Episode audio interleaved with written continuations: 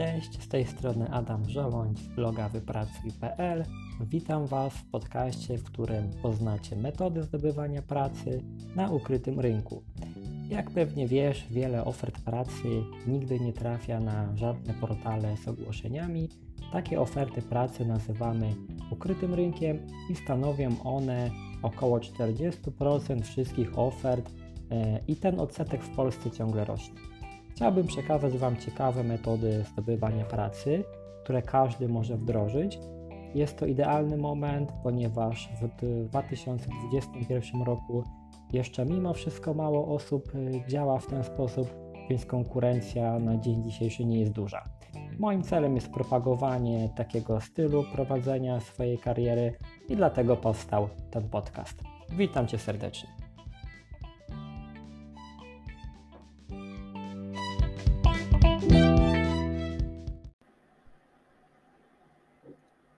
Cześć, minęło trochę czasu od ostatniego odcinka. Nie był to dla mnie czas zmarnowany, mam nadzieję, że dla Ciebie również. Zająłem się tematem przebranżowienia do IT, ale właściwie to można tak ogólnie powiedzieć, że przebranżowienia, no bo dzisiaj prawie każda firma jest firmą technologiczną, więc tutaj nie będę wchodził w szczegóły. Robiłem bardzo szeroki e, research na temat tego, jak ludzie się przebranżawiają i zauważyłem, że ci, którzy uczą się najmniej, najszybciej dostają nową pracę. Jeszcze raz powtórzę, dobrze usłyszałeś, ci, którzy uczą się najmniej, najszybciej dostają nową pracę na nowym stanowisku. Jest to możliwe dzięki dzisiejszej ekonomii rynkowi, który daje takie możliwości kreowania swojego życia i kariery, jakich nigdy wcześniej nie było. Te możliwości nie są trudne, ale one są dla wielu nieoczywiste. Wykorzystanie umiejętności cyfrowych i narzędzi to będzie klucz do sukcesu.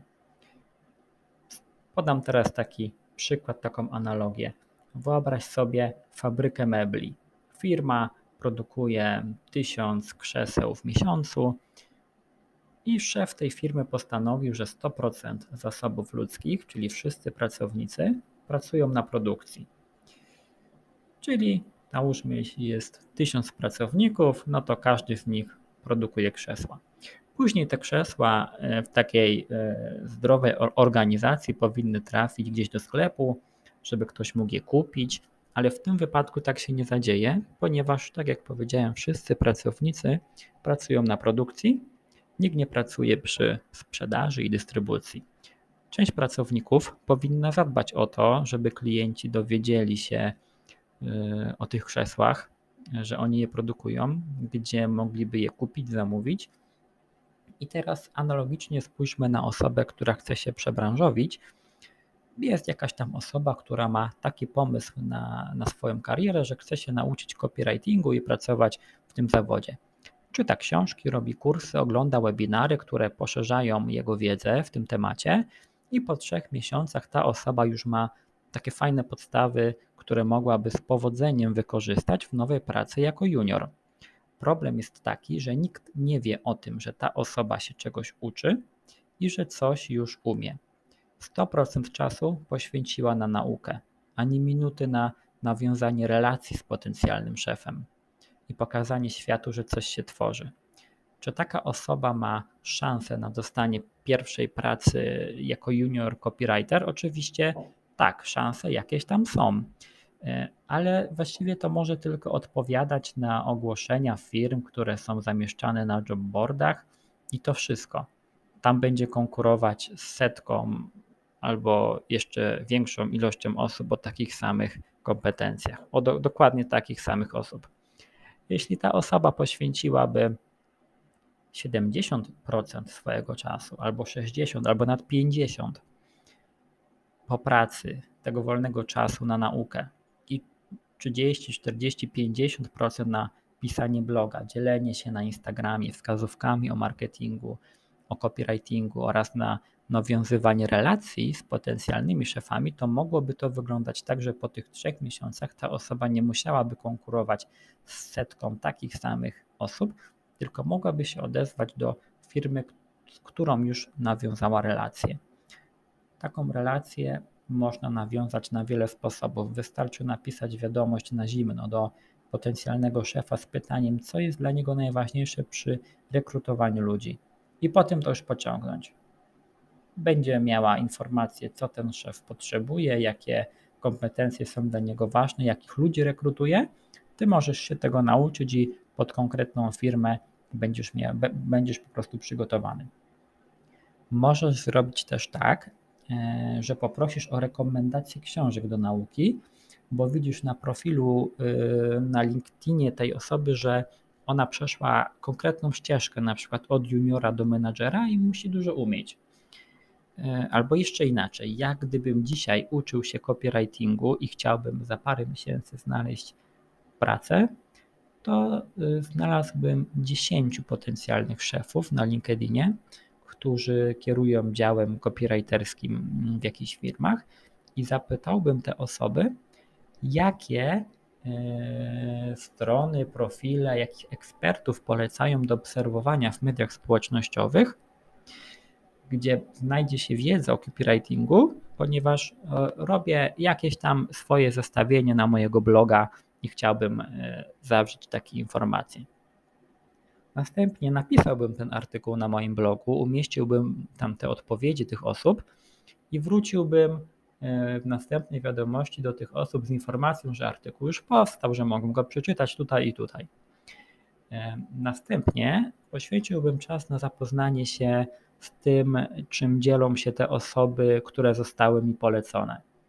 I starałbym się nauczyć paru rzeczy od każdej z nich, a potem wracałbym do każdej osoby po kolei, która mi e, poleciła jakąś stronkę e, z podziękowaniem za podzielenie się e, tym, co ją inspiruje i napisaniem takiej króciutkiej notatki, że mm, dzięki temu profilowi, tej osobie poznałem to i to, nauczyłem się tego i tego, co przydało mi się tutaj i tutaj, i dzięki temu zrobiłem to i to.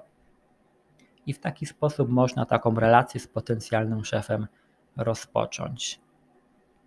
Zły sposób to jest pisanie od razu na, na zimno do kogoś, że szukasz mm, pracy i pytanie, czy może ma jakiś wolny etat.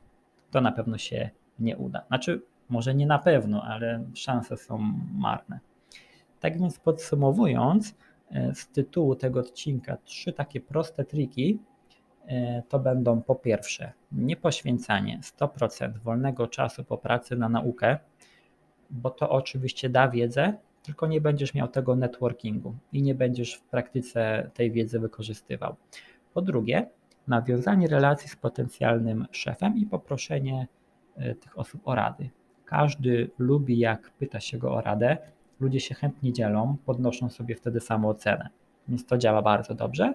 I trzecia wskazówka to jest taka, żeby w ramach tego czasu, który poświęcasz na naukę, wdrażać wiedzę pisząc bloga albo dzieląc się tym na Instagramie. Będzie to takie potwierdzenie Twoich umiejętności. Na dzisiaj to tyle. Zdaję sobie sprawę, że my wynieśliśmy ze szkoły czy ze studiów taką, e, taki proces nauki, że 100% czasu poświęcamy na naukę tych kompetencji, e, których się uczymy, a ani minuty nie poświęcamy na naukę szukania pracy, wykorzystania jakoś tej, tej wiedzy. Jesteśmy na studiach na przykład 5 lat i przez 5 lat uczymy się danego zawodu i ani minuty nie uczymy się tego, jak później zdobyć w tym zawodzie pracę. E, ja pamiętam, że na studiach nie miałem ani jednej lekcji o tym, jak dostać pracę. Tak więc nie bierzmy przykładu z tego takiego systemu, w którym byliśmy przez kilkanaście lat w Twoim życiu i po prostu zmieńmy to. Na koniec jeszcze jedno ogłoszenie. W każdą środę o godzinie 20 wysyłam do swojej społeczności maila z wiedzą z zakresu szukania pracy. Link do zapisów jest w notatce do tego odcinka, więc zachęcam Cię do dołączenia. Na dzisiaj to tyle. Dzięki i do usłyszenia.